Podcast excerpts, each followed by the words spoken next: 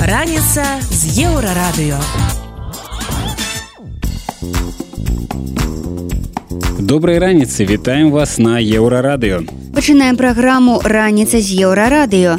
Штодзённае шоу пра важныя падзеі, якія ўплываюць на жыццё беларусаў. Распавядаем пра галоўныя падзеі мінулага тыдня. Беларуская моладзь не хоча працаваць на радзіме і выбірае эміграцыю. Э, Но если тут у вас под боком будет страна, где вам будут платить в три раза больше, а потом в четыре раза больше, а потом в пять раз больше, то мотивации переехать они будут все расти и расти. Медпаслугі за сямейны капітал цяпер толькі ў дзяржклініках, а ці гатовыя самі клінікі. Врачей меньше, работают они больше, работают они с огромными переработками. Выбары ў каардынацыйную раду, на якім этапе падрыхтоўка. зараз все роўна незразумела як будуць падлічвацца галасы і гэта тэма насамрэч найбольш як бы важная і прынцыпе як будуць арганізаваны гэты выбары Падрабязнасці неўзабаве. Раніца з еўрарадыё. Паводле апытання рэсурсу банкі 24 бай, найбольшы ўзровень беспрацоўя ў Беларусі назіраецца сярод людзей ад 16 до 30 гадоў. У гэтай групе не працуе больш за 6 адсоткаў і гэта пры афіцыйным беспрацоўі ў 3,6соткі. Калі браць усіх беспрацоўных, то моладзі там траціна ці 35 адсоткаў. У чацвёртым квартале мінулага года такі статус мелі больш за 60 тысяч чалавек. А вось сярод людзей перадпенсійнага і пенсійнага ўзросту ўзровень беспрацоўя значна меншы, толькі 3,9соткаў. Пры гэтым амаль кожны чацвёрты пенсіянер працягвае працаваць. І гэта пры тым, што ў краіне назіраецца недахоп кадраў, а выпускнікі ВНУ бягуць з Беларусі і не хочуць уключацца ў айчынную эканоміку. І не толькі выпускнікі. З краіны з'язджаюць і працаздольныя людзі, якім нават не пагражае палітычна матываваны пераслед. Паводле меркаванняў экспертаў сітуацыя ў эканоміцы не палепшыцца і эміграцыя працягнецца. Вось як тлумачыць гэтую з'яву эканаміст і кіраўнік проекта бюрок Леў Львоўскі у праекце обычное утро. Если Польша какая-нибудь условная, может быть, это будет не Польша, а какая-нибудь другая страна, продолжит расти быстрее, чем Беларусь, это значит, что разрыв между Польшей и Беларусью, он будет все повышаться и повышаться. Э, Переезд – это всегда сложное решение, вы теряете социальные контакты, теряете привычное окружение, э, и вообще много чего теряете. Э, Но если тут у вас под боком будет страна, где вам будут платить в три раза больше, а потом в четыре раза больше, а потом в пять раз больше, то мотивации переехать, они будут все расти и расти. Э, В Мексике не происходит никакого такого острого политического кризиса. Э, Но поток мигрантов из Мексики в США, он ну, как бы постоянен. э, и растет, потому что люди понимают, что вот они там переберутся в США, э, их жизнь относительно мерок США будет не очень хорошая, может быть, но относительно уровня жизни в Мексике будет очень хорошая. Як мінімум адзін дзейны метад барацьбы з адсутнасцю кадраў і беспрацоўем рэжым лукашэнкі ўсё ж мае можа проста забараніць выязджаць беларусам за мяжу. Або пяройме досвед любімых прапагандыстамі сталінскіх часоў і адкрые гулагі Еўрарадыё.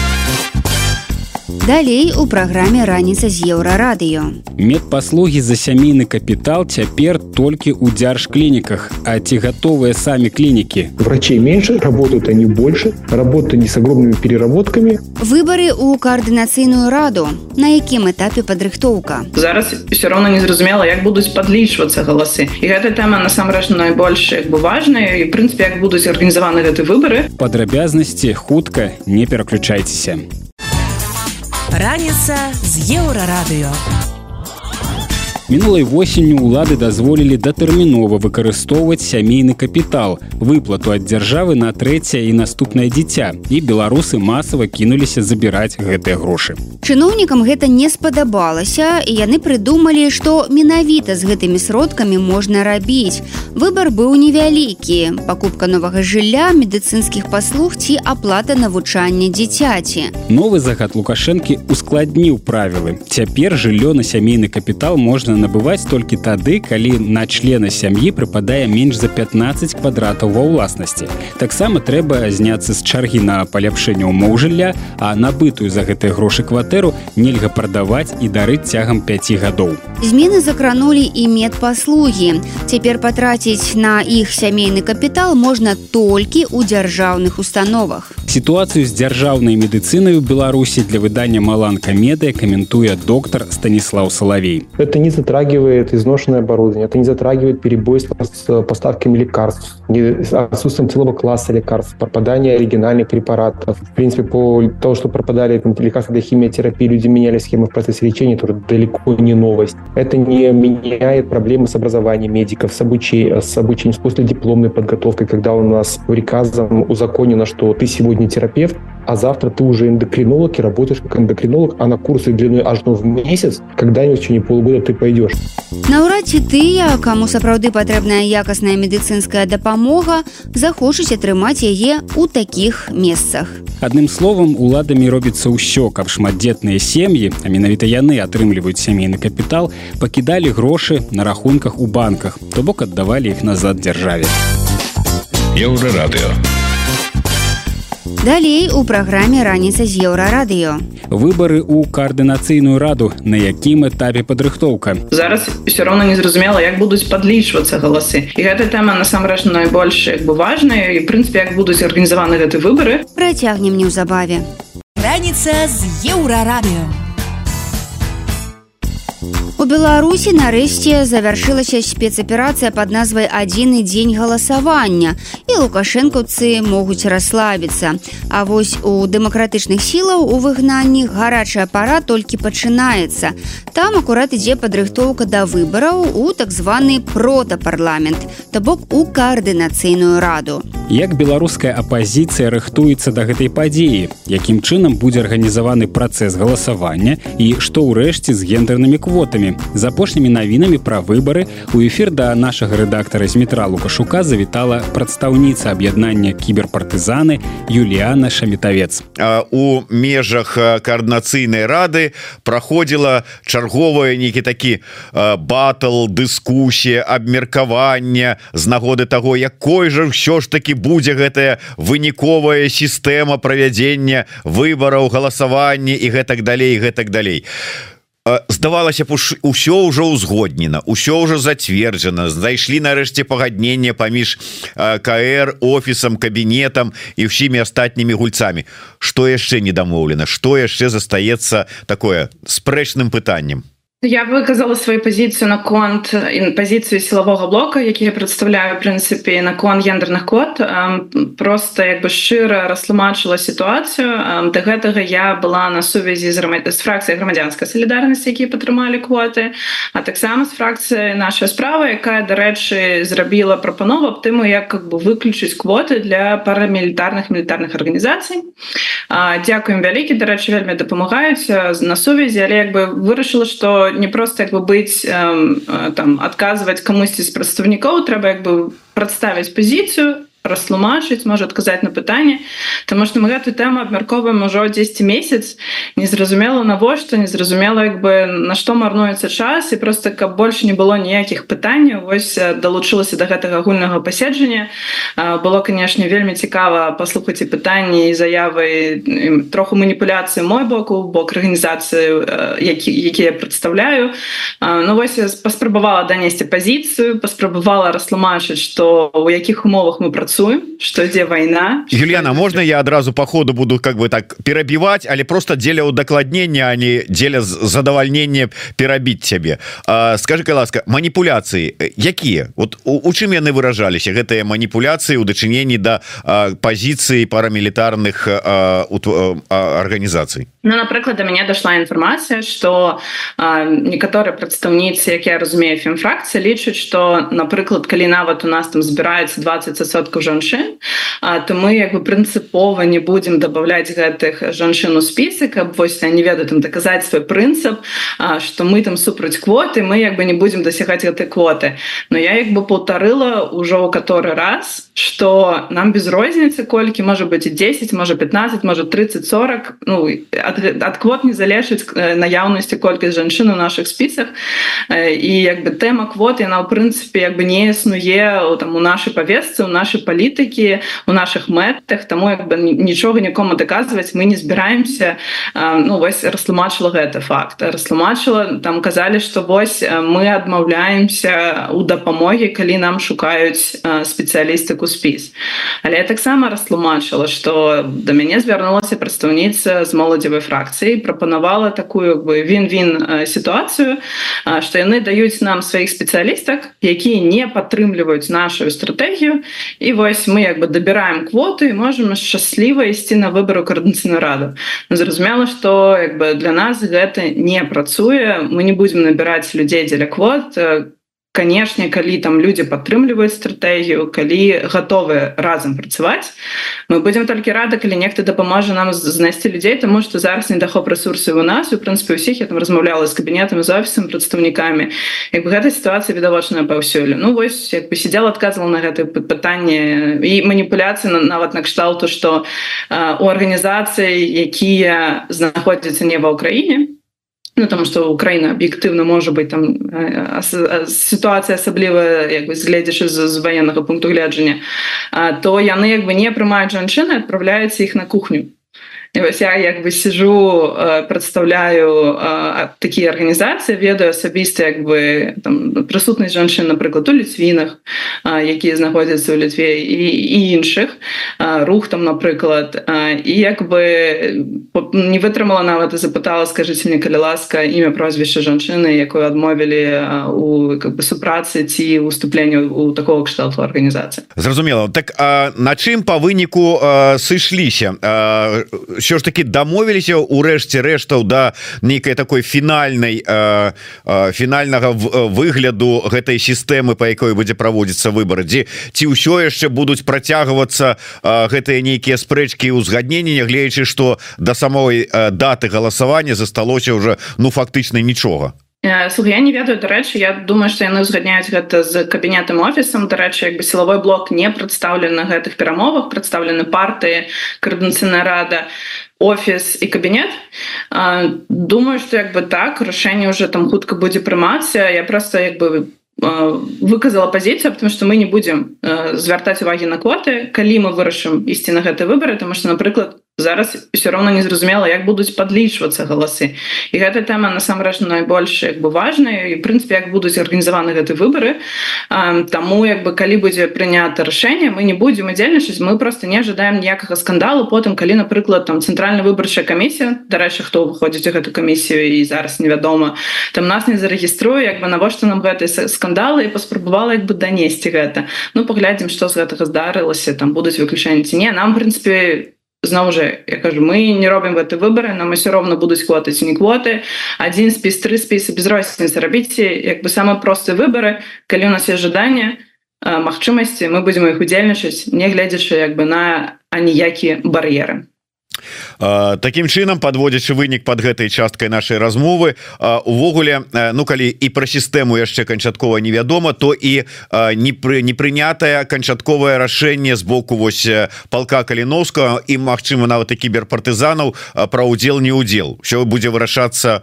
по ходу як кажуць Ну будзе вырашацца калі мы будзем разумець фармат выбараў Я не думаю что полк як полк афіцыйна будзе удзельнічаць у прынцыпе там вялі перамовы гэта не выглядае так. Але асобныя прадстаўнікі Ну яны ж маюць абсалютна права удзельнічаць у выбарах такое право павінна быць у абсалютна ўсіх фармаваць свой спіс удзельнічаць яны магчыма будуць так і мы зразумела будзем ісці адним блокам зразумела. Но у любым выпадку наколькі я разумею тут ёсць пэўныя ну такія нюансы па-першае калі мы кажам про удзел полка каліновскага то ну наўрад ці гэта ж будуць людзі якія знаходяцца на нулі якія сапраўды са зброю руках зараз воююць хутчэй за ўсё гэта будзе ну, там палітычнае крыло там прадстаўнікі штаба і гэтак далей. А і калі кажам про кіберпартызанаў все ж таки у вас пераважная большасць калі не ўсе апроч вось цябе людзі якія захоўваюць сваю ананімнасць. Як яны змогуць працаваць у коорднацыйнай радзе? Не, конечно ананімно удзельнікі не будуць ісці я прадстаўляю буду прадстаўляць кіберпартызан але ж мы фармуем свой спіс які таксама мае калегі будуць узгадняць то бок з нашими хаўруснікамі таму спіс будзе фармавацца з тых як бы хто каго мы лічым сваімі хаўруснікамі з кім мы лічым мае сэнс працаваць і вось будзем ісці разам на выбор так. На мінулым тыдні кіберпартызаны прымусілі апраўдвацца самога лукашэнку.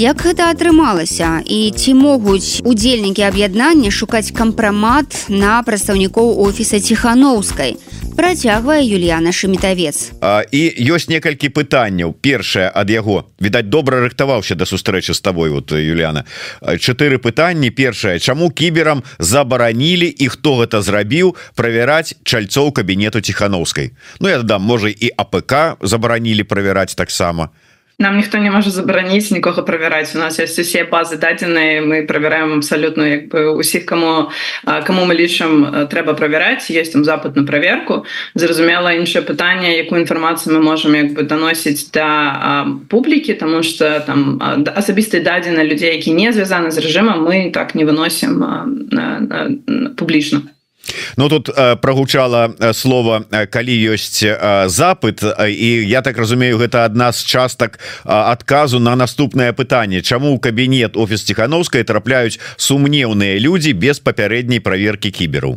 Ну, гэта пытанне для них. Мы ж не можем як бы забараняць і нанімаць людзей і гэтак далей. Як бы іх ёсць магчымасць правяраць. Я думаю яны правяраюць. Мы там по ёсць магчымасць гэта рабіць праз напрыклад белпола з якім мы таксама супрацоўнічым у гэтым напрамку. Тому як бы гэта пытанне хутчэй да офісы да кабінет Ну так все ж таки кіберпартызаны не з'яўляюцца умоўна кажучы структурным подраздзяленнем там офіса ці кабінета і таму і тады калі чалавек прыходзіць яны праз гэтую праверку гэтую структуру абавязкова павінны прайсці А тут вот нехта ўзяў у абыход. Паколькі гэта ўсё ж таки не так то ніяк ніякім чынам кіберпартызаны на гэтую сітуацыю не ўплываюць. Я тут троху яшчэ дадам каб людзі разумелі что нас там прыкладна на тыдзень прыходзе каля там сотні запытаў прабіць праверыць людзей. Гэта могуць быць рознага кшталту там праверці там і родзячы сям'ю тому что вельмі падазроны чалавек. Праверці маёмасць там расследаванне там санкцыонных схем напрыклад. Як бы і зразумела что з таким як бы запытам а нам же трэба аналізаваць якую інфармацыю мы можем даць якую не даць праверыць сацыяльнай сеткі там асінт анализ. У нас есть добрая команда якая над гэтым працуе. Таму як бы ну запытаў столькі что мы не можем бывае як бы самі подумать а каго там яшчэ прабіць як бы на на наш погляд важнасць палітычных фігураў Таму трэба як бы разумець рэчаіснасць якія жывем і усе гэтыя як бы людзі валанцеры працуюць свабодны час ад сваёй як я думаю працы Дарэчы А як вы поступаеце вот прыходзіць до вас як ты кажаш вот там сотня розных запытаў на праверку Я разумею калі там прыходзяць скажем ад журналістаў просьба дапамагчы у пэўным расле расследаванні прабіць нейкую інфармацыю прыходзяць запыты умоўна кажучы ад нейкіх структураў там ці палітычных ці грамадзянскіх таксама вы ведаеце ведаеце хто гэта і вы кажаце добра мы дапаможам А калі ну вот чалавек і невядома хто гэта і звяртаецца до вас з просьбай як вы дзейнічаеце? Мы не даем інфармацыі людзям якіх мы не можем верфілваць калі я кажу пра сотню. Гэта значыць что гэта у першую чаргу журналісты арганізацыі якіх мы ведаем нейкія расследавательскі мы працуем актывісты якіх мы таксама ведаем права охотнікі напрыклад то бок ну так конечно все праходзяць верыфікацыю просто так з вуліцы мы нікому не даем дадзенай Ну і э, я можа быть яшчэ одно пытанне от алейбы. Як кіберы ацэньваюць бяспеку магчымых базаў дадзеных новых беларускіх пашпартоў якія рэкламуе кабінет? Ну, пакуль вельмі рано судзіць мы не ведаем гэту базу дадзеных ці увогуле она там пачала складацца. Яны ж толькі зараз э, як бы саму ідэю пашпарта як бы прызнанне гэтага пашпарта над гэтым працуюць. Калі будзе запад на дапамогу канешне мы разглядзім і я думаю як бы зробімся магчымае калі будзе час магчымасці і ресурсы на гэтую працу. Давайте зараз по тых справах тых тых дадзеных якія апошнім часам подзялілася кіберпартызаны про сваю дзейнасць. Я вот зараз адмыслова открыў телеграм-канал кіберпартызанаў. Дарэчы раю усім подпісацца на телеграм-канал кіберпартызанаў але безумоўна захоўваючы бяспеку. Вот дарэчы Юліяна акурат таки про тое як захоўваць бяспеку подписываючыся і там не подписываючыся але читаючы лепш за мяне скажа. Давай яшчэ раз вот такія азы. Что что зрабіць вот хочется человеку які да прыкладу у Беларусі знаходіцца але э, ведаць апошнія навіны э, кіберпартызанаў. Что ему рабіць лепей за все выкарыстоўваць партызанскі телеграм інфармацыю про партызанскі телеграм можна знайсці на нашем канале по телеграме кібербезопасность таксама на нашем сайте калі ласка карыстайцеся гэтай сайтам з VPN конечно калі вы знаходзіцеся внутри Беларусі і праз браузер інкогніта. Гэта як бы такі аз азы як ты сказал там таму вось як бы такая парада. По-другое калі немагчыма карыстацца партызанскім телеграмам ну мы конечно раем не подписываться чытаць навіны як бы калі памятаеш про кіберпартызанаў ці як бы магчымасць вось ёсць заходзіць на сайт. Не трэба рызыкаваць канешне сваім сваёй бяспекай тому что мы ведаем выпадкі калі телефон бяруць і там пытаюць пароль напрыклад тэлеграмы просто правяраюць там на вуліцы на працы. Тому трэба разумець у якіх акалічнасцях людзі зараз жуць Ну так а, ось э, слухайте Юліяну яна дрэннага вам не параіць. Чытайце навіны. Мяне першую чаргу калі ласка чытайце кіберпартызанаў калегаў. Задавайце свае пытанні. У нас ёсць свае выпускі калі мы адказваем на пытанне на наших подписчикаў таксама гледзячы на бяспеку. Так что у нас ёсць да магчымасці даносіць інфармацыю. Дякую вялікі что ты гэта пытанне падымаеш. Ну так безумоўна тому что я заўсёды падчас таких вось стрымаў размоваў раю подписываться подписываться на телеграм-каналы ці YouTube каналы наших гасцей як і на YouTube каналы еврорады але заўсёды дадаю але рабіце гэта калі гэта для вас бяспечна. І вот ўсё ж таки у дадзеным выпадку у размове с тобой вельмі Ну ёсць магчымасць яшчэ рассказать як гэтую бяспеку лепш захоўваць. Тому я і скарыстаўся магчымасцю. Юліана давай вот вернемся до да, тых как у я не ведаю як тут правильно сказать карацей кажучы чым вы что вы рабілі і чым вы пахваліліся что асабіста ты вот лічыш самое галоўнае з того что было опублічана за апошнія скажем там тыдзень два пачынаючы от дадзеных кіроўцаў і номероў аўто на якіх транспартавалі орланы і іншую там тэхніку якую везлі у зону баявых дзеянняў. Ну і працягваючы там усімі апошнімі такими вашими дзеяннями і навінамі что ты лічыш самым таким паспяховым і значным гэта аперацыя не як бы здаралася вось апошнім момантам. Просто мы раскрылі інфармацыю могли раскрыць інфармацыю толькі зараз. Это канешне наша праца у кіберразвед разведцы наконт атрымання інфармацыі вытворца расійскага вытворца спецыяльнага тэхналагічнага цэнтру які якраз вось вырабляюць дроны Арлан і іншую военную радыотэхнічную тэхніку. Мы перадалі гэты дадзены на украінскі украінскі бок зразу зразумела і вось выложылі тое што магчыма было вылажыць я ведаю што шмат запытаў ад журналістаў расследователь на тое каб мы далі больш інфармацыі але зараз такой магчымасці просто няма тому что бы праца по гэтым напрамку яна ідзе не толькі з нашага боку. По-другое Я думаю что было вельмі важное расследаванне при тым что гэта дадзены таксама з весны лета 21 года на конт ковіду мы перадалі праслухоўкі белсату як міністры здравааховы і в прынцыпе там з больницы дактары абмярковалі ковід абмярковалі як бы беларусаў як там калі нехта там прыходзіць там з чыноўнікаў як як бы зрабіць выгляд што все нормально як яны вельмі дрэнна выказваліся наконт старога пакалення якое хварэла на ковід як яны маніпавалі з лічбамі смерцямі гэтак далей.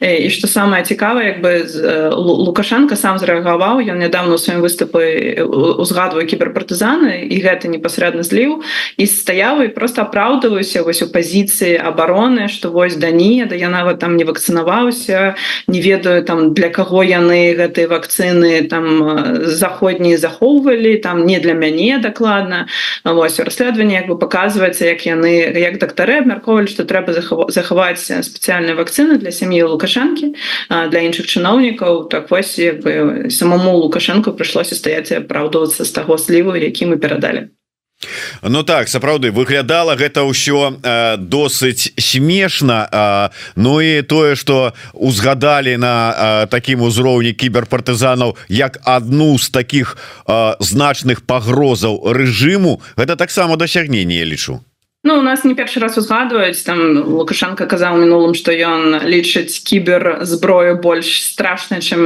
ядерную зброю Ну і мы прынцыпе разумеем як бы на на якім месцы знаходзімся мы як бы коль наколькі шкоды мы там наносім на сапраўды як яны апасаюцца злівы ў дадзеных і нашай працы Ну як бы баяцца ўжо позна кіберпартызаны паўсюль Гэта была прадстаўніца аб'яднання кіберпартызаны Юліяна шамітавец і наш рэдактор змі міцер лукашук. Яны пагаварылі пра падрыхтоўку да выбараў у каардынацыйную раду і пра тое як удалося прымусіць лукашэнку апраўдвацца. Еўрарадыо далей у праграме раніца з еўрарадыё. Новы пакет санкцый для беларусі. Ці дагоніць наша краіна россию да беларусі уведена больше 12 разу менш санкций чем до россии наша прапанова там амаль першых дел войны санкции павінны быць гарманізаваным швед знайшоў нацыянальную ідэю і выводзіць яе на міжнародны ўзровень. Ці просякнуцца беларусы? Как-то получается так что люди почему-то не так сильно хотят соответствовать идеологическим установкам, как их к этому призывают. Про гэта больш падрабязна бліжэйшым часам. Раніца з еўрарадыё. На мінулым тыдні Еўросаюз нарэшце прыняў чарговы ўжо 13 пакет санкцый. Яго прымеркавалі да ўгодкаў пачатку вайны ва ўкраіне. Асноўны акцэнт там вядома на рассіі, але закранулі абмежаванне і нашу краіну. Усяго ў чорны спіс ЕС дадалі 106 фізічных і 88 юрыдычных асоб. Колькі там беларускіх грамадзян і кампаній дакладна пакуль невядома, бо спіс яшчэ не апублікаваны. Па словах вярхоўнага прадстаўніка ЕС па знешняй палітыцы Жазепа барэля гэтым разам прынятыя больш жорсткія санкцыі для расійскага вайсковага і абароннага сектараў а таксама для арганізацый у трэціх краінах якія пастаўляюць абсталяванне або ўдзельнічаюць у незаконнай дэпартацыі украінскіх дзяцей. Днямі расследавальніцкі праект бюро апублікаваў матэрыял у якім распавёў пра беларускія кампаніі што дапамагаюць расійскай абароннай прамысловасці здабываць падсанкцыйныя кампаненты для дронаў. Расследаванне аднавіла дыскусіі пра тое, што мяккае стаўленне да беларускага рэжыму пры ўвядзенні санкцый толькі дапамагае працягваць вайну. Вось што пра гэта ў эфіры праекта Маланка медыя кажа юрыст народнага антыкрызіснага ўправлення Михаил Кірылюк. Да Беларусі уведзена больш 12 разу менш санкцый, чым да рассіі. наша прапанова там амаль ад першых дзел войны санкцыі павінны быць гарманізаваны, бо ў Беларусі з Россия межу няма есть адзіна эканамічная прастора калі вы робіце санкцыі на Россию не робіце на Беларусь но гэта не мае ніякага сэнсу каральным санкцыям павінна аддавацца перавага адрознены да персоналя бо что такое персональная санкцыя там нельга гандляваць ивановым петровым сидоровым. Да і мы бачым нават у гэтым артыкуле такія абмежаванні не вельмі просто абыходзяцца самае сумнае ў гэтай гісторыі тое што рэжымы ўсё роўна знойдуць варыянты для сябе. А вось простыя грамадзяне будуць пакутаваць і яшчэ больш адмяжоўвацца ад цывілізаванага свету. Еўрарадыо далей у праграме раніца з еўрарадыё швед знайшоў нацыянальную ідэю і выводзіць яе на міжнародны ўзровень. Ці прасякнуцца беларусы? Как-то получается так что люди почему-то не так сильно хотят соответствовать идеологическим установкам как их к этому призывают. Падрабязнасці неўзабаве раніца з еўрарадыё Генпракуратура Беларусі вырашыла ўнесці мемарыяльны комплекс брэская крэпасць герой у спіс не не ў той, пра які вы падумалі, а ў спіс сусветнай спадчыны ЮНЕСКА. Праўда, звярнулася пракуратура з такой прапановай чамусьці не ў ЮНЕСКА, а ў Саумін. Сама ідэя не новая. Упершыню пра яе загаварылі яшчэ на пачатку двухтысячных. Тады крэпасць нават уключылі ў папярэдні спіс, але як цытадэль царскіх часоў. Аднак потым выключылі. Цяпер пра ідэю ўспомнілі на фоне апантанасці генпракуратуры ідэалогіі так званага генацыду беларускага народа. Гэта любімая тэма самого генпракурора шведа, па якой нават абараніў кандыдацкую дысертацыю. Тэма генацыда спадабалася таксама чыноўнікам і прапагандыстам, бо яе бяспечна выкарыстоўваць для ідэалагічнай працы. Тысячам ідэолагаў у краіне якраз вельмі не хапае так званай базы, бо нацыянальнай ідэі лукашэнкаўскі рэжым за 30 гадоў так і не змог сфармуляваць. Але ці можа штучная і скінутая зверху ідэя зацікавіць і тым больш захапіць галовы беларусаў.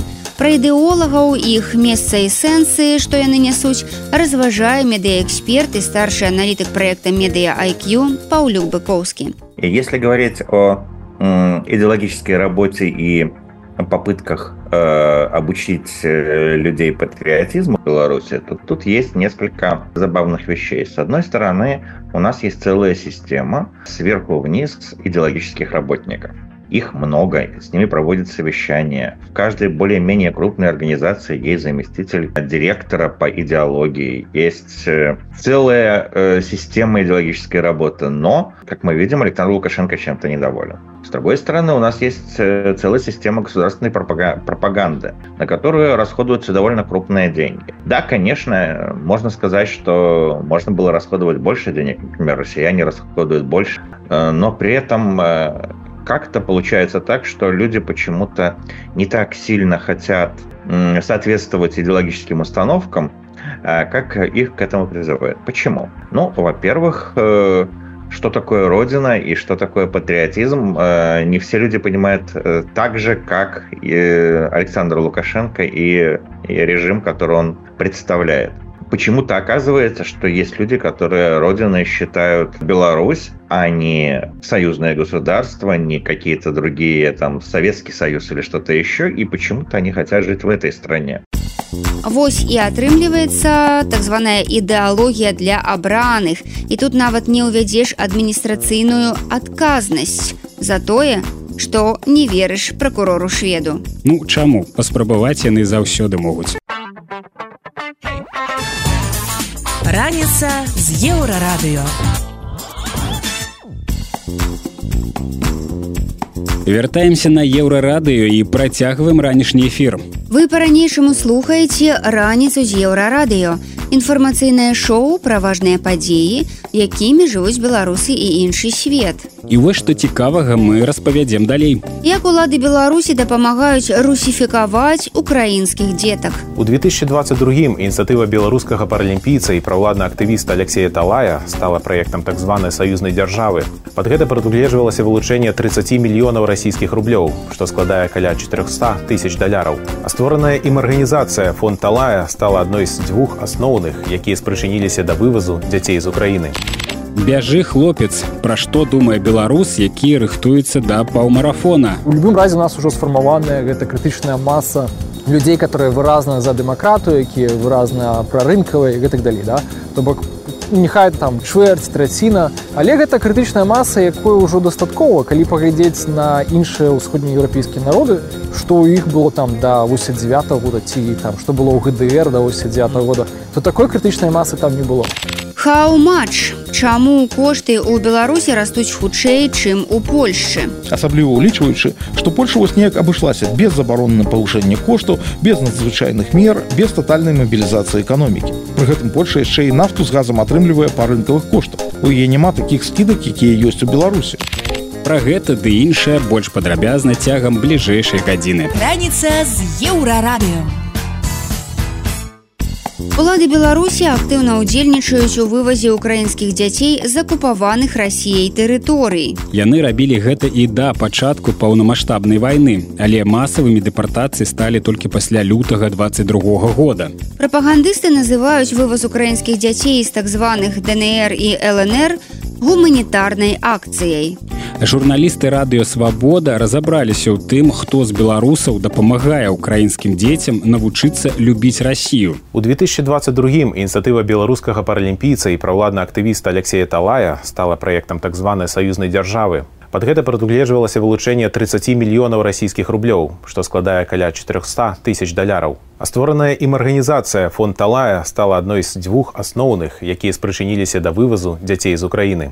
Если мы кому-то доверимся, кому-то там, за бугром, никому мы не нужны, придут, последние отберут, нож ставят в спину. И именно вы сейчас, Донбасс, на острие этого сражения за многополярный, справедливый мир. Сберечь тех, кто рядом сейчас – вы пробуждаете наши сердца и души. Як вы ставіцеся ставіцеся да таго, што міжнародная супольнасць абвінавачвае вас у злачынстве, то бок у вывазе украінскіх дзяцей з акупаваных тэрыторый Украіны ў Беларусь?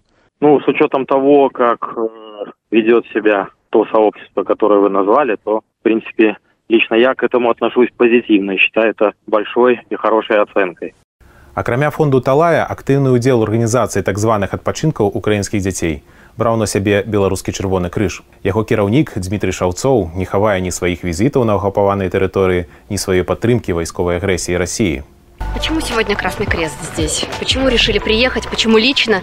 Понимаем, какие последствия могут быть. Дмитро Шевцов, це керівник Білоруського національного товариства Червоного Христа, прийняв рішення особисто, надягнувши військову форму, надягнувши символи оці Z, символи агресії Російської Федерації, приїхати на тимчасово окуповану територію України і вихвалятись тим, що він вивозить і допомагає вивозить українських дітей, допомагає, так би мовити, в депортації українських дітей. Изначально речи про вывоз украинских детей белорусским Красным Крестом речи вообще не шло. Белорусский Красный Крест – это благотворительная гуманитарная организация. И они в рамках своих, своего устава, своей уставной деятельности, своих целей и миссий, они оказывали гуманитарную помощь и поддержку там, пострадавшим на оккупированных территориях или там, каким-то категориям населения, которым необходимо была талия на этом в том числе материальная какая-то помощь. Да, по сути, вся вот эта волна про вывоз украинских детей в Беларусь, она пошла как раз-таки от самого Шевцова. Праз пазіцыю і ўчынкі шаўцова міжнародная федэрацыя чырвонага крыжа і чырвонага паўмесяца запатрабавала яго адстаўкі, але беларускі бок не выканаў патрабавання. Таму ў снежні федэрацыя прыпыніла сяброўства беларускага таварыства чырвонага крыжа, тым самым пазбавіўшы яго фінансавання. Аднак арганізацыя працягвае працаваць гэтаксама як і фонд талая. Разам з журналістамі-расследнікамі з украінскага праекту схемы мы паразмаўлялі з украінскімі дзецьмі якія з'ездзілі так званы адпачынак у Беларусь. Я дам ему трубочку да? Угу. Здрасте. алло привет савелий. Как твои дела? Как расскажи ты вспоминаешь поездку в Беларусь? Что что? Как ты вспоминаешь Белор... Бел... поездку в Беларусь что тебе больше всего запомнилось? Когда ехали именно в Беларусь мы ехали с двумя военными из Беларуси. Это э, потом мы там э, ездили на э, эту Минскую елку. Э, там президент Беларуси был. Это Алексей Талай был. Он нам эту поездку оплатил всю. Савелі цяплых, маці якога дазволіла яму паразмаўляць па тэлефоне з беларускімі журналістамі родам з акупаванага рассеі лісічанску. Пра тое, што савелі з сястрой павезлі ў Наваполацк, а потым на навагоднія святы з удзелам лукашэнкі мы даведаліся з прапагандысцкіх сюжэтаў беларускага тэлебачання. Хотел купить GoPro, но мне брат ее подарил просто. И, ну, э, подарил этот некуда снимать. Там, ну, иногда ПВО срабатывает, и иногда шумно. Падчас урачыстасцяў, у якіх бяруць удзел Савелі і Сафія, ты іншыя дзеці з Украіны, Александр Лукашенко прэзентуе сябе як выратавальніка дзяцей, у якіх вайна намагаецца скрасці дзяцінства, а Беларусь краіна стабільнасці і міру. Мы делаем все, чтобы дети, которые бегут от войны, здесь чувствовали на своей земле как дома. А таких немало. Это страшно. Это такой тяжелый подарок от взрослых детям. Беларусь была и будет открыта для всех, кто потерял мир в своих странах. І Савелій, і Софія вернулися в окупований російцями Лісичанськ. Якщо після цього вивезення з території сусідньої держави е, їх повертають назад на окуповані, наприклад, території, це все одно факт депортації? Чи Так. ні? Тобто навіть якщо повернули, Факт був зафіксований. Да. На люты 2024 году Украінське нацыянальнае інфармацыйнае бюро кажа пра амаль 20 тысяч дзяцей, якіх незаконна дэпартавалі ці іншым чынам разлучылі з бацькамі або апекунамі. Агулам журналістам радыё свабода удалося вызначыць паўсотні імёнаў украінскіх дзяцей, якіх прывозілі ў Беларусь. Сярод іх мы знайшлі дваіх, Якія прыязджалі ў Беларусь і пазначаны ў гэтай базе як дэпартаваныя. Ніякіх звестак пра іх пасля пачатку вайны Украіна не мае. Высветлілася, што двое непаўналетніх Андрэй Сазонаў і Надзея Лупінова, абояны з Марыўполя, былі ў лягеры ў Кобрынскім раёне летась, пасля чаго вярнуліся назад на акупаваную тэрыторыю. Нам удалося скантактавацца з сям'ёй Сазонова. Хлопец пад апекай дзядулі і бабулі, а паездку прапанаваў праз тэлефон нехта невядомы, як яны лічаць з органаў опекі. А, Это связано с, с опекунским, да, нам позвонили. Вот. Ну, сказали сначала наш район не берут, потом наш район взяли. Э, Сказали, какие документы. Мы ездили, договаривались там, и все. Это через опеку было дело. Там Да. езд- ехали детки такие как раз, в основном, да, многодетные под опекой. Кто тебе звонил, э, предложил путевку в Белоруссию? Ну, я не помню. Свидетельство о рождении, э, в- вот эти вот, э, ну, как опекун, вот э, эти самые. Украинское еще свидетельство о А, рождении, решение. наверное, да? На- Наверное, украинское у вас свидетельство о рождении было еще, да? Было украинское, было и русское. И э, это сам, как это, гражданство, ну, все, что надо. Мы скантактаваліся і з іншымі сем'ямі дзяцей, які прыязджалі з акупаваных рассіяй тэрыторыяў Украіны ў Беларусь і вярнуліся назад у акупаваны лісічанск ці Марыўполь. Родныя дзяцей атрымліваюць прапановы паездак цэнтралізавана або ад настаўнікаў школах, або ад акупацыйных органаў улады. Списки сформировали, кто хочет поехать. С разных школ собирали несколько автобусов. Якщо цей дозвіл, так званий, був виданий в обставинах, коли навколо відбувалися постріли, місто перебувало близько до зони бойових дій, батьки ховали цих дітей у підвалах, і до них просто прийшли дозвіл отримувати озброєні люди або представники окупаційної адміністрації. Дуже часто у нас були такі випадки, коли погрожували там навіть позбавлення батьківських прав різними іншими проблемами. То чи був такий дозвіл добровільним, добре проінформованим? Абсолютно ні. У выцеку дакументаў з паштовай скрыні беларускага таварыства чырвонага крыжа, які нам надалі кіберпартызаны, мы знайшлі адзін з дазволаў на вываз непаўналетняга дзіцяці, аформлены на блянку міжнародна непрызнанай данецкай народнай рэспублікі. Згодна з ім дзіця мае права выезду на ўсе акупаваныя рассеі тэрыторыі ўкраіны, а таксама ў Абхазію, Дагестан і Рэспубліку Беларусь. Але Украіна не прызнае дакументы, выдадзеныя расійскімі акупацыйнымі ўладамі.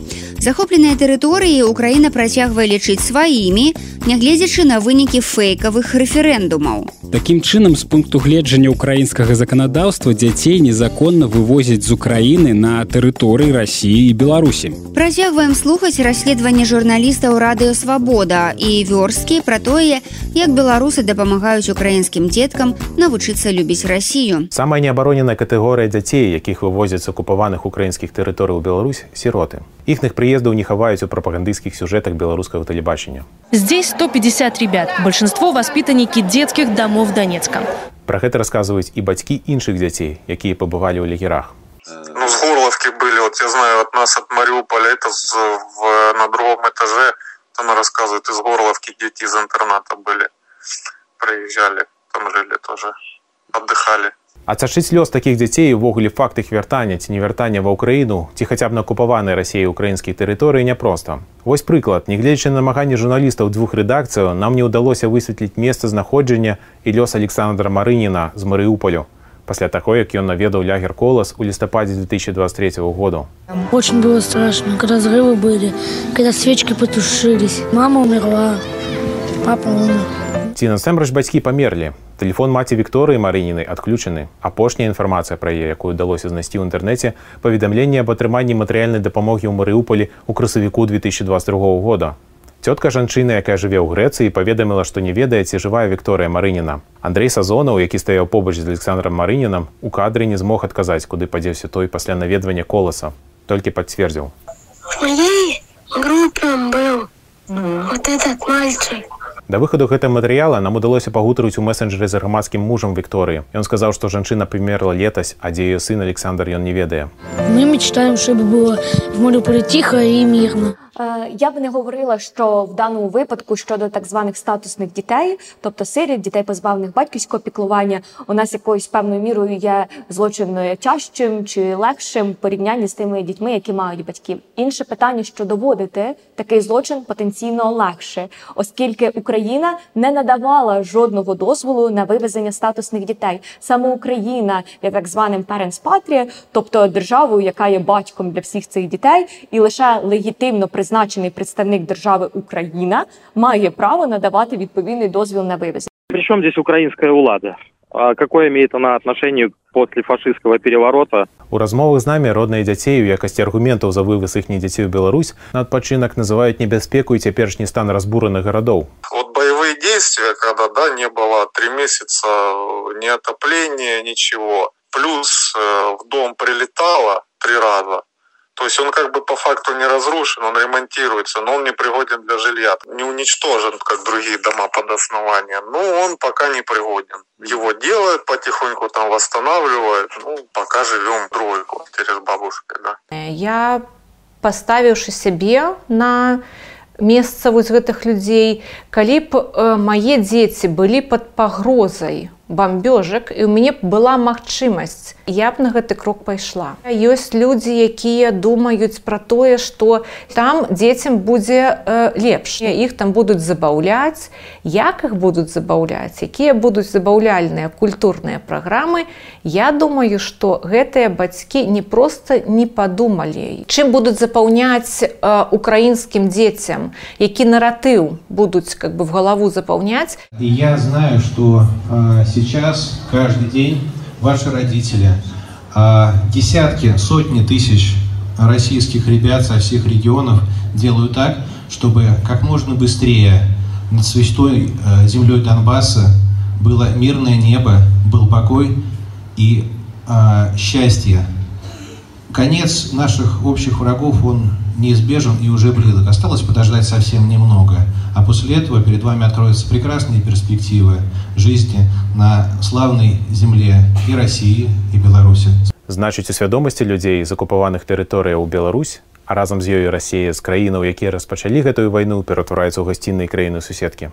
Ну что ж, дорогие, подарки от президента Республики Беларусь.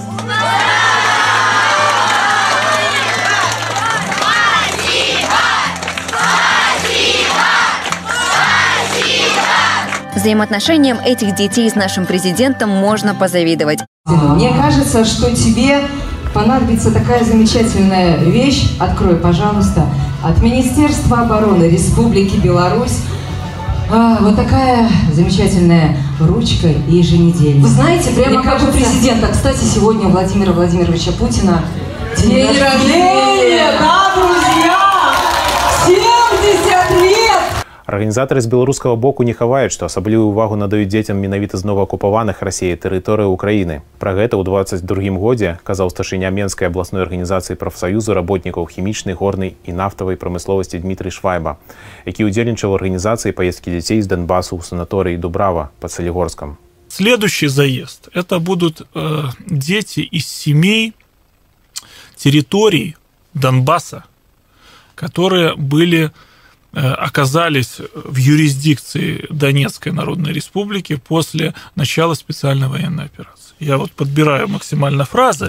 Э, Значит, они называют эти территории в своей терминологии Т+. Ну, насколько вы понимаете, территория присоединенная. И естественно, что в этих территориях, несмотря вот на ту специфику Донецкую, она же и там оставалась этой спецификой, но там осуществлялась ну, такая очень активная идеологическая обработка э, со стороны э, значит, э, властей из Киева. Беларускія чыноўнікі, дзяржаўныя журналісты, каардынатары, суправаджальнікі дзяцей выкарыстоўваюць тую ж самую рыторыку, што і расійскія акупацыйныя ўлады. Летась улады ўкраіны распачалі крымінальную справу па факце прымусовай перавозкі, дэпартацыі больш за 19 тысяч дзяцей з акупаваных тэрыторыяў данецкай, луганскай, запорожскай, херсонскай і харкаўскай вобласцяў. У тым ліку у Беларусь. Кіраўнік народнага антыкрызіснага ўправлення Павла Тушка заявіў, што перадаў доказы гэтага злачынства ў міжнародны крымінальны суд каб прыцягнуць да адказнасці александра лукашэнку і яго саўдзельнікаў.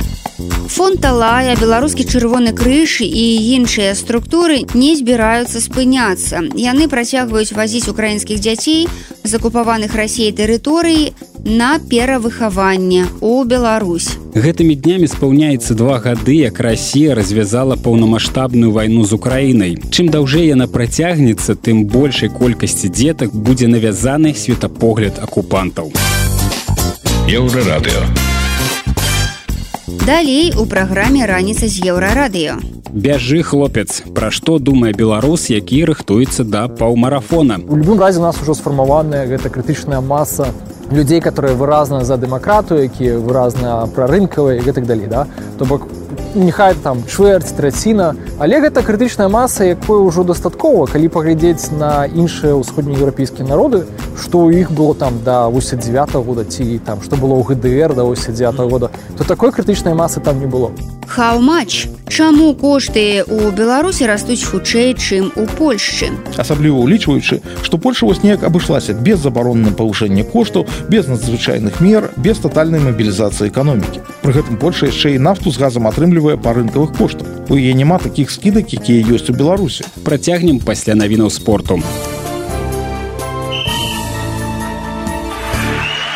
На еўрарадыё навіны спорту. у Селігорскі шахцёр другі год выйграў рэгулярны чэмпіянат беларусі па хакеі. Другое месца ў віцебска. Матчы адной чацвёртай фіналу стартуюць у сакавіку. Ужо вядомыя дзве пары юнацтва і металург нюман і гомель.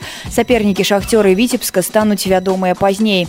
За дзве пуцёўкі ў плэй-офф яшчэ пазмагаюцца ліда брест хімік і лакаматыў футбалісткі зборнай беларусі разграмілі каманду албаніі трынуль таварыская гульня прайшла на мальце гэта быў першы міжнародны матч беларусак у 2024 23 лютага уніёне прайшло лёсаванне адной восьмай фіналу футбольнай лігі Еўропы. Самы тытулаваны клуб сярод 16 удзельнікаў Ліверпуль трапіў на пражскую спарту. Першыя матчы пройдуць сёмага сакавіка матчы ў адказ праз тыдзень беларускі гандбаліст мікіта вайлупаў дапамог венгерскаму веспрыму перамагчы ў лізе чэмпіёнаў дацкі гудмы 34 31 на яго рахунку 5 закінутых мячоў. Агулам у гэтай лізе чэмпіёнаў вайлупаў вызначыўся ўжо 25 дакладнымі кіткамі. у Нікола Йокіч паўтарыў дасягненне NBA 40гадовай даўніны сербскі цэнтравы Дэнвер Нагец у чарговым паядынку рэгулярнага чэмпіянату набраў не менш за 20 ачкоў, зрабіў 15 падбораў і 15 выніковых перадач пры 100соткавай дакладнасці кіткоў з гульні. Гэта былі навіны спорту на еўрарадыё, заставайцеся з намі. Раніца з еўрарадыё. У працоўны час доктар палітычных навук рыгора стапеня займаецца сацыялагічнымі даследаваннямі. Час ад часу ён распавядае пра іх вынікі і на еўрарадыё. Але ёсць і іншы рыгора стапеня. Па-за працай навуковец пераапранаецца ў спартовую форму, абувае красоўкі і бяжыць. Гэтаму хобі хлопец прысвяціў шмат гадоў. Ён рэгулярна ўдзельнічае ў паўмарафонах. Чаму беларусы цяпер не могуць дазволіць сабе забіць на сваё здароўе цела і фізічны стан? І якія думкі прыходзяць у галаву калі бяжыш па зімовым горадзе? Пра гэта рэгора астапеню распытаў алесь ганчарэвич з youtube канала пляцоўка прывітанне рэгор чаму ты ў форме? Распавядзі калі ласка нашим гледачам. Прывітанне алесь. Насамі ж трэба вяртацца ў спорт як ты бачыш Сергей михалок ужо не спраўляецца закінуў нас таму гэтай краіне патрэбны новы фізкультурнік. Ну і я ўжо рыхтуюся да паўмарафону у мяне была аперацыя два тыдні таму. Але трэба паволі вяртацца. А вось твой выбор бега і паўмарафон як спорту. Ён неяк звязаны з тваёй прафесійнай дзейнасцю. Ці гэта проста звычайнае рандомнае хобі якое з'явілася проста таму што з'явілася но я думаю ты подводишь до того что Беларусь это ультрамарафон Магчыма, магчыма. бежать как бы не одну сотню километров ну бежим поволі да как бы, справляемся на самом деле я ставлюся да это не сказать как я мне вельмі серьезно ставлюся до бегу як бы я люблю все и футбол и баскетбол и бег і качалку що кажучи я адначасова не люблю гэта ўсё да там я вымушаны все гэта замяняць Але нейкая асаблівай любові да бегу мне няма рэгор яшчэ літаральна некалькі гадоў таму так у беларусі адбываліся сапраўды маштабныя падзеі так. і шматлікія беларускія эксперты даследчыкі таксама грамадзянскія актывісты і просто неабыякавыя беларусы далучыліся да гэтай магутнай хвалі зараз прайшло ўжо амаль 4 гады. А ці сапраўды зараз все яшчэ хочуць большай свабоды і большай дэмакратызацыі? Что ты думаешь Ну я думаю что варта пачаць з такого тезісу что э, вялікі беларускі народ это звычайная еўрапейская нацыя. І як у звычайнай еўрапейскай нацыі бываюць унутры такого народу людзі которые крыху фашыкі можна так сказать да? То бок умоўна кажучы Ну калі ў Францыі ёсць прыхільнікі Марын Люпен, да, то чаму ў Беларусі не можа быць прыхільнікаў Александра Лукашэнкі. Ну пэўна могуць бы да. Калі паглядзець на людзей, которым э, нічога не цікава, да, которые ну, не только па палітычна, да, ну зусім как бы іх не цікавіць, што адбываецца вакол, то яны ж таксама ёсць у кожным грамадстве. Але чым адметныя мы, то у любым разе у нас ужо сфармаваная гэта крытычная маса людзей которые выразна за дэмакратыю якія выразна прарынкавыя гэтак далей да. То бок нехай там чвэрць траціна але гэта крытычная маса якой ўжо дастаткова калі паглядзець на іншыя ўсходнееўрапейскія народы што ў іх было там да 89 -го года ці там што было ў гдр да 89 -го года то такой крытычнай масы там не было. То бок мы ў гэтым сэнсе наперадзе то просто у нашым выпадку мы не знайшлі палітычнага рашэння ну і канешне фактор россии негатыўна паўплываў і патэнцыял ён вялікі ён існуе і мабыць болей чым у іншых еўрапейскіх народаў ці як Ну, гэта праўда і неправда адначасова не як бы ну конечно грамадства крыху змянілася да то бок зразумела што людзі ўжо менш вераць там перамогу как бы больш скептычна ставяцца там да дэмакратычнага руху гэтак далей але калі паглядзець на так структурныя фактары ці хочуць людзі жыць у іншай краіне ці хочуць яны жыць у краіне которая больш нармальная у которой больш бяспечная которые там больш паважаюць правы людзей у которых там менш дзяржава як бы мае магчымасці там прессаваць людзей ну конечно людзі гэтага хочуць часта жаданнях большых пераменаў большых свабодаў яно звязана з жаданнем еўраінтэграцыі у некаторых наших суседзяў украінай а ці сапраўды беларусы хочуць больш захаду і хочуць на захад Ну я думаю что ўсё ж таки чым адрозніваемся мы з табой як бы прадстаўнікі пэўнага інфармацыйнага бабла э, і чым адрозніваецца сярэдні беларус то што ўсё ж таки мы глядзім на свет вакол і робім крыху розныя да абсалютна я б сказала ну не то что крыху да а вельмі адрозныя высновы. Напрыклад калі вось прыхільнікі там дэмакратычнага руху паглядзелі на на то што адбываецца ва ўкраіне на вайну рассі супраці краіны то яны прыходзяць да высновы што вось трэба значит нам еўрапеізавацца еўраінтэгравацца далучацца да нато. То ў гэтым выпадку медыянны беларус думае што трэба як бы бежаць ад гэтага ўсяго як мага далей Таму што гэта страшна гэта вядзе да войнаў гэта геапалітычная канфронтацыя якой людзі ў прынцыпе баяцца і таму як бы калі мы глядзім чаго хочуць беларусы то яны хочуць просто прагматычна сябраваць з усімі і з тымі і з другімі і як бы гэта ведаеш ёсць пытанне якое рабіў філіп беканаў са сваімі калегамі там было цікавае пытанне мне вельмі спадабалася ці лічце вы што ва ўкраіне кіруюць нацысты і досыць значная частка людзей которые лічаць што ва ўкраіне кіруюць нацысты то лічаць што трэба сябраваць з такой украінай да? і мець добрае дачыненне. Да то, то гэта паказвае нейкую нашу беларускую прагматычнасць. І гнуткасць. Да, можна і так сказаць як бы не будзем уже навязваць негатыўныя словы да тут. Але як бы гэта паказвае што людзі прагматычна гэта глядзяць да як бы і просто хочуць мець добрыя стасункі з усімі не хочуць канфлікту.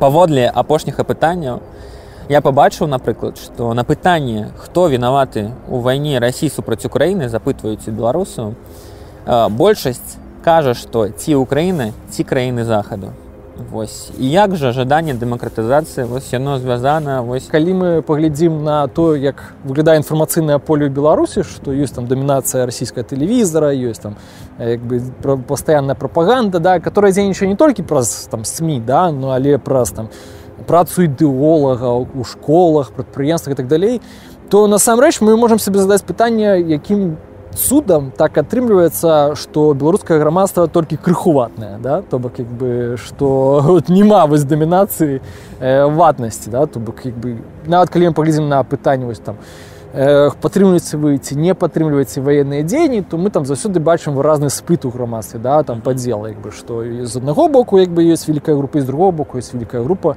людзей якія падтрымліваюць ці не падтрымліваюць ваенныя дзеянні рассіі Таму як бы я на гэта гляджу досыць спакойна як бы і тым больш як бы трэба на гэта глядзець у э, такой у дынаміцы да як бы з кожным годам усё ж такі ватнасць як бы сыходзіць то бок гэтыя настроі яны змяншаюцца калі там паглядзець што было у чатырнацатым годзе да падчас э, пачатку вайны падчас крыму то там ватнасць была большая калі ўжо казаць адносна таго што ну як гэта все спалучаецца ну в прынцыпе спалучаецца но неяк так і спалучаецца як бы наш ідэальна не можа спалучацца да як бы як бы это жыццё як бы таму я думаю што частка людзей которые там маюць ватныя погляды не таксама хацелі бы жыць у крыху лепшай краіне у больш бяспечнай краіне у краіне которая там мае нармальныя сувязі з захадам і хочаш ездзіць ведаеце на захад на закупы. Это все такія справы важныя да як бы.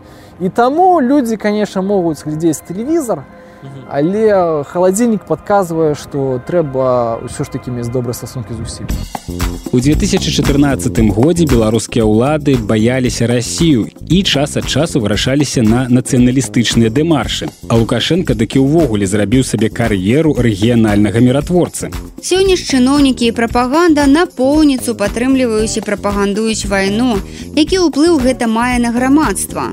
Працягваем слухаць разважанні рэгора астапені беларус беларуса які рыхтуецца да марафона і таму мае шмат часу на тое каб падумаць падчас бегавых трэніровак. Я думаю что калі мы пережылі ўсё што мы пережылі за апошні некалькі стагоддзяў то і з гэтым мы неяк справімся да? Як бы гэта не такая уж вялікая праблема што ёсць там расійскія медыа ці ёсць там уплыў у сферы адукацыі. то гэта сягам часу сыдзе бы і пры тым што зноў ж да паўтаруся нават не гледзяч на ту, тую магчымасць якія цяпер ёсць у прарасійскіх актараў да ці там расійскіх актараў у беларусі ну все адной няма дэмінацыі да. Калі зменяцца ўмовы то гэта будзе сыходзіць як мага хутчэй. Але як жа ўсё-такі беларусы хочуць жыць? Якая краіна ім патрэбна?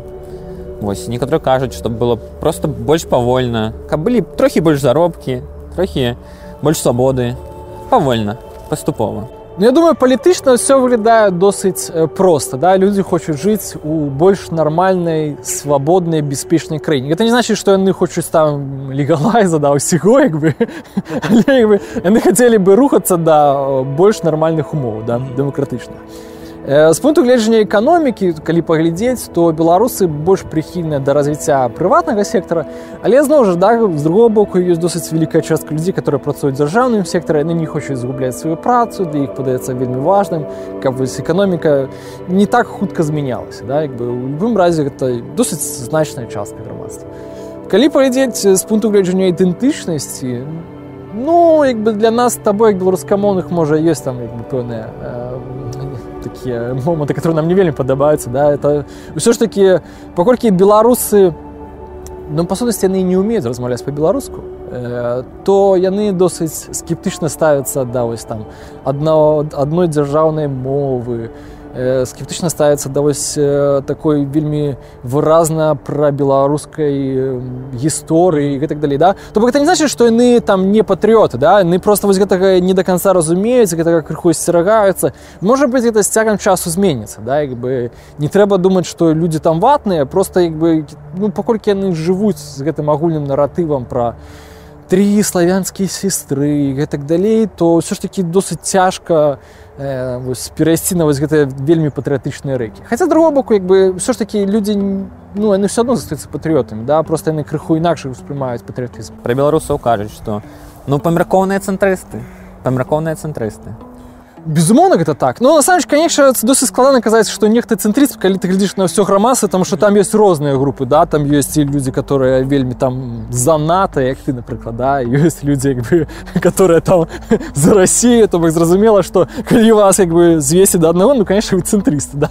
бы, але па сутнасці у грамадстве есть розныя групы да як бы немагчыма тут знайсці нейкі ключык але як бы вось калі паглядзець на палітычную гісторыю беларусі да там на палітычныя ну, прэзідэнцкія выборы напрыклад да то там заўсёды мелі вялікія магчымасці людзі которые выступалі з цэнтрыцкіх пазіцый.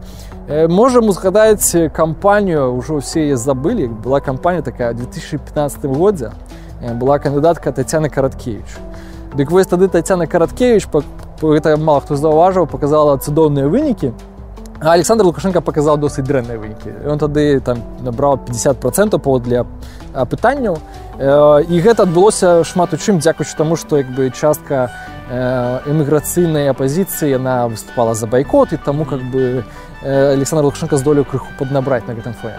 Таму як бы нават тады гэта працавала да пасля быў выпадак Віктора бабарыкі да калі гэта вельмі хутка пайшло як бы ягоная падтрымка бо корот ён прадстаўляў эту трэцюю Беларусь Ну і пасля была сама Светлана Тхановская да? таксама як такая спроба трэцяй беларусі. Зразумела што як бы зараз уже Светлана Тхановская вярнулася да адной з двух беларусаў але ў двадцатым годзе она была ось той трэцяй. І гэта цудоўна спрацавала да? То бок як бы калі паглядзець ўсё ж такі гэтая канцэпцыя трэцяй беларусі ну она жывая яе заўсёды можна вярнуцца цяпер просто пустыя пытанні наколькі это можна вярнуцца ў сённяшніх умовах да як бы на фоне войны і всего што адбываецца вакол як бы гэта досыць складана але з другого боку заўсёды будзе вось гэты попыт на третью Беларусь на нейкае прымірэнне у тым ліку да у беларускім грамадстве.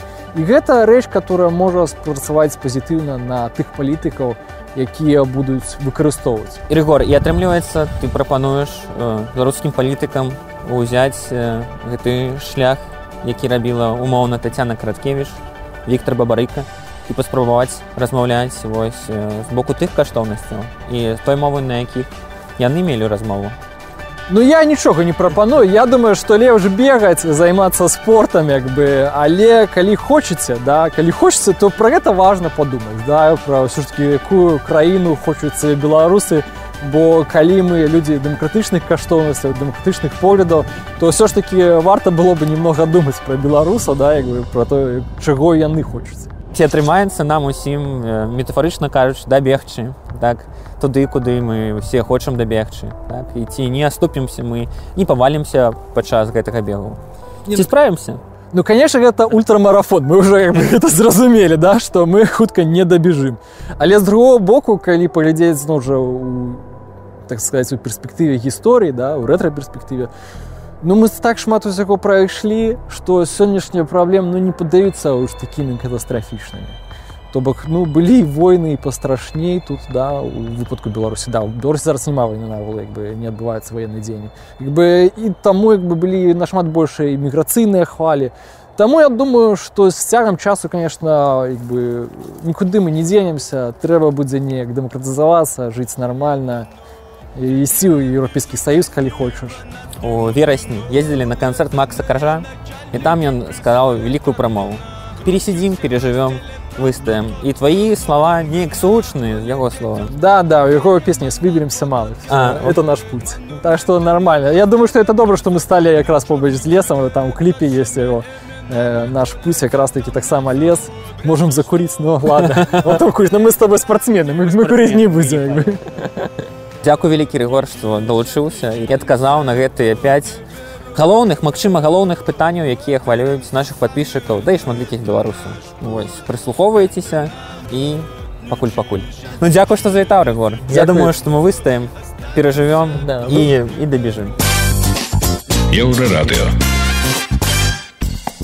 далей у праграме раніца з еўрарадыё. Хау-матч чаму кошты ў беларусі растуць хутчэй чым у польшчы? Асабліва улічваючы што польша вось неяк абышлася без забароны на павышэнне кошту без надзвычайных мер без тотальнай мабілізацыі эканомікі. Пры гэтым польша яшчэ і нафту з газам атрымлівае па рынкавых коштах. У яе няма такіх скідак якія ёсць у беларусі. Працягнем пасля навінаў шоу-бізу. Шоу-біз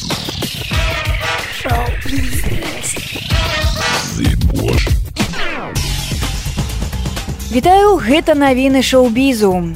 Джонні Дэп наведаў выставу прысвечаную ціму бёртану, якая праходзіць у нацыянальным музеі кіно ў знакамітай вежы молі антынеліана ў італьянскім турыне. Джонні Дэп, які неаднаразова здымаўся ў карцінах бёртана, падзяліўся ў сваім акаунце ў садсетках фотаздымкамі з выставы.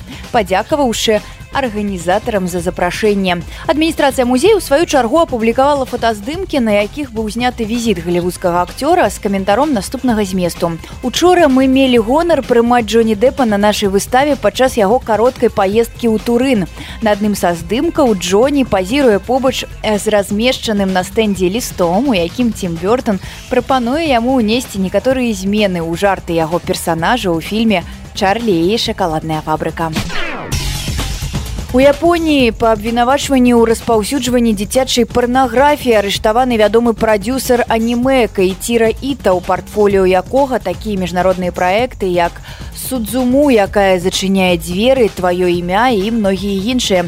Сцвярджаецца што 52гадоваму каіціра іта ставіцца ў віну прымус 15гадовай дзяўчынкі з якой ён пазнакоміўся ў сацыяльных сетках да адпраўкі яму аголеных селфі. Па звестках вядучай такійскай тэлекампаніі цібс прадюсер перавёў дзяўчынцы каля 85 долараў у абмен на яе аголеныя фатаграфіі. Парушыўшы такім чынам законы японіі аб абароне дзіцячай прастытуцыі і парнаграфіі ён быў узяты пад варту каля свайго дома у такі токійскім раёне сібуя.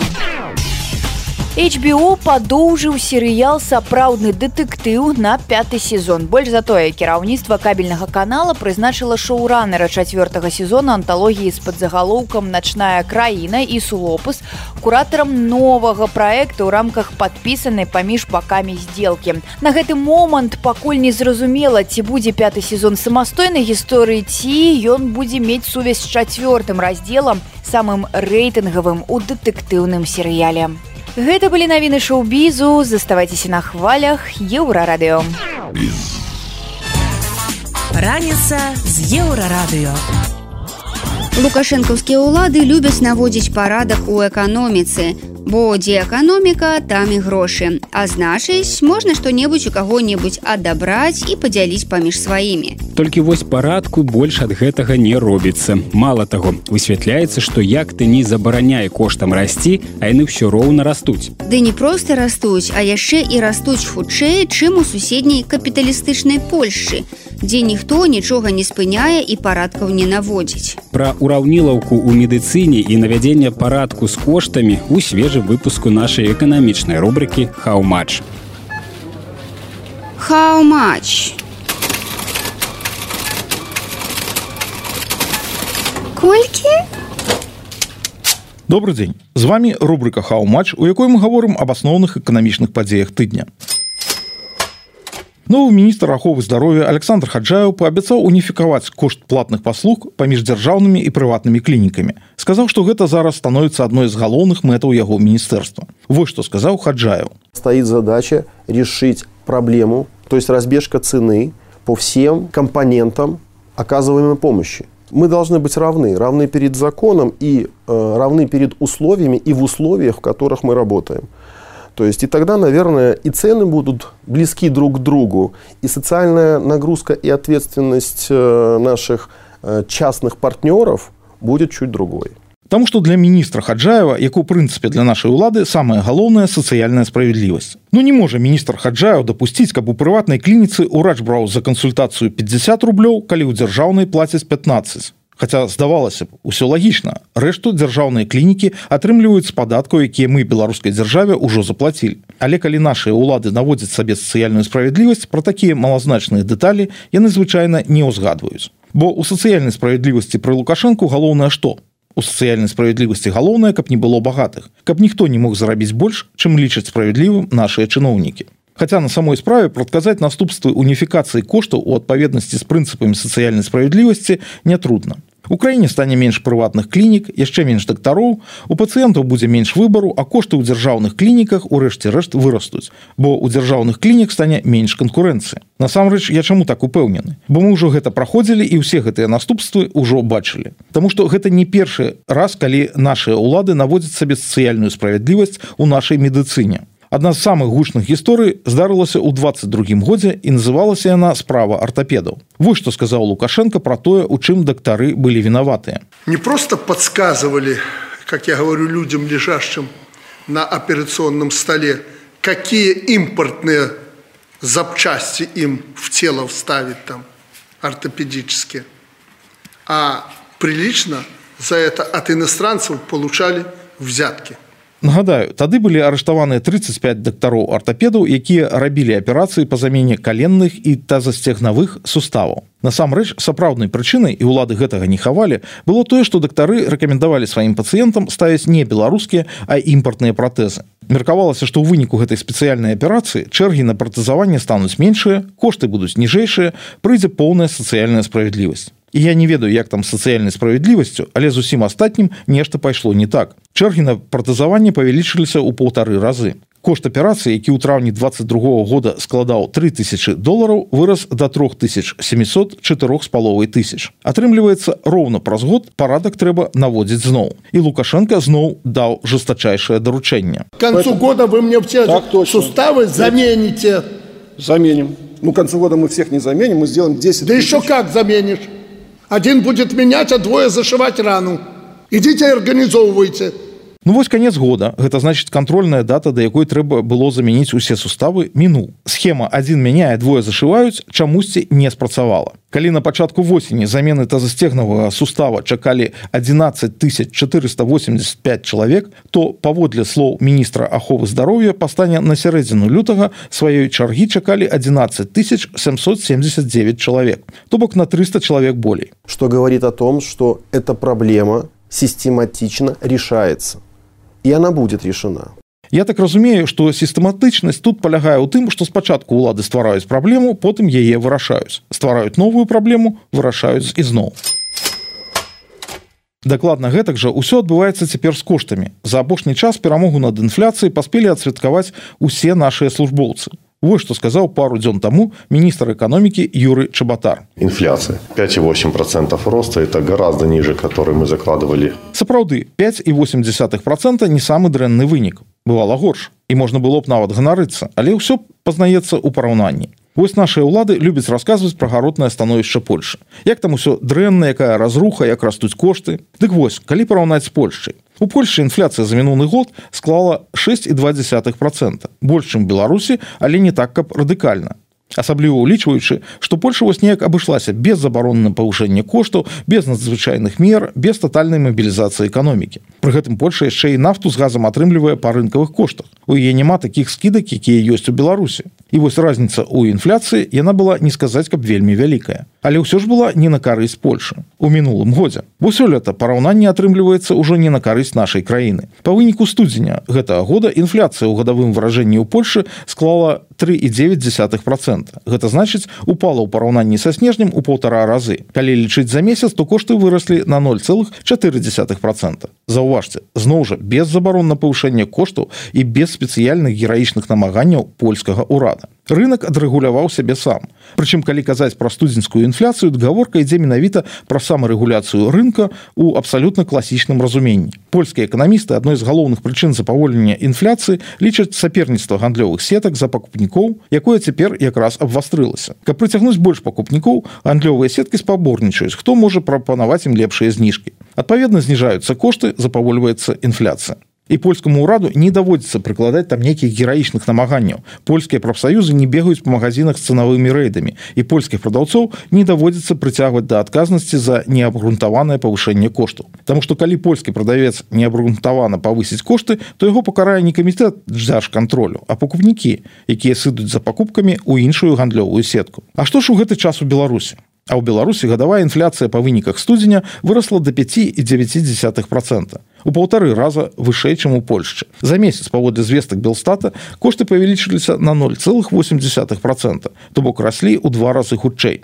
і гэта ўлічваючы што рэгуляванне коштаў нікуды не падзелася. Наадварот спачатку года пасля таго як прынялі новы механізм цанавога кантролю рэгуляванне коштаў стала яшчэ больш жорсткім чым было раней І вось у Польшчы мы бачым запаволенне інфляцыі, а ў Беларусі яе паскарэнне. Польскія ўлады чакаюць, што па канцы года інфляцыя складзе два з паловы процент. А наш урад спадзяецца коштам самых гераічных намаганняў і рэгуляванняў утрымацца ў раёне шасці. Я думаю, што насамрэч тут ёсць вельмі вельмі просты адказ. Усе гэтыя штучныя меры дзейнічаюць як наркоты. Калі ты забяспечыў сабе стабільнасць нават і стабільнасць коштаў, закручваючы гайкі, то ты ўжо не можаш спыніцца. Каб гэтая стабільнасць нікуды не дзелася, гайкі трэба ўвесь час закручваць мацней, пакуль крышку не знясе выбухам.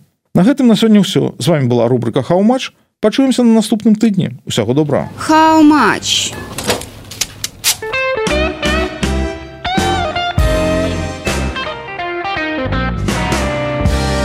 Еўрарадыё. Гэта былі самыя важныя навіны і сэнсы раніцы з еўрарадыё. Заўтра ранкам мы зноў распавядзем вам пра галоўнае, што адбываецца ў краіне і свеце. Сустракаемся ў той жа час у тым жа месцы. Беражыце сябе. Пачуемся.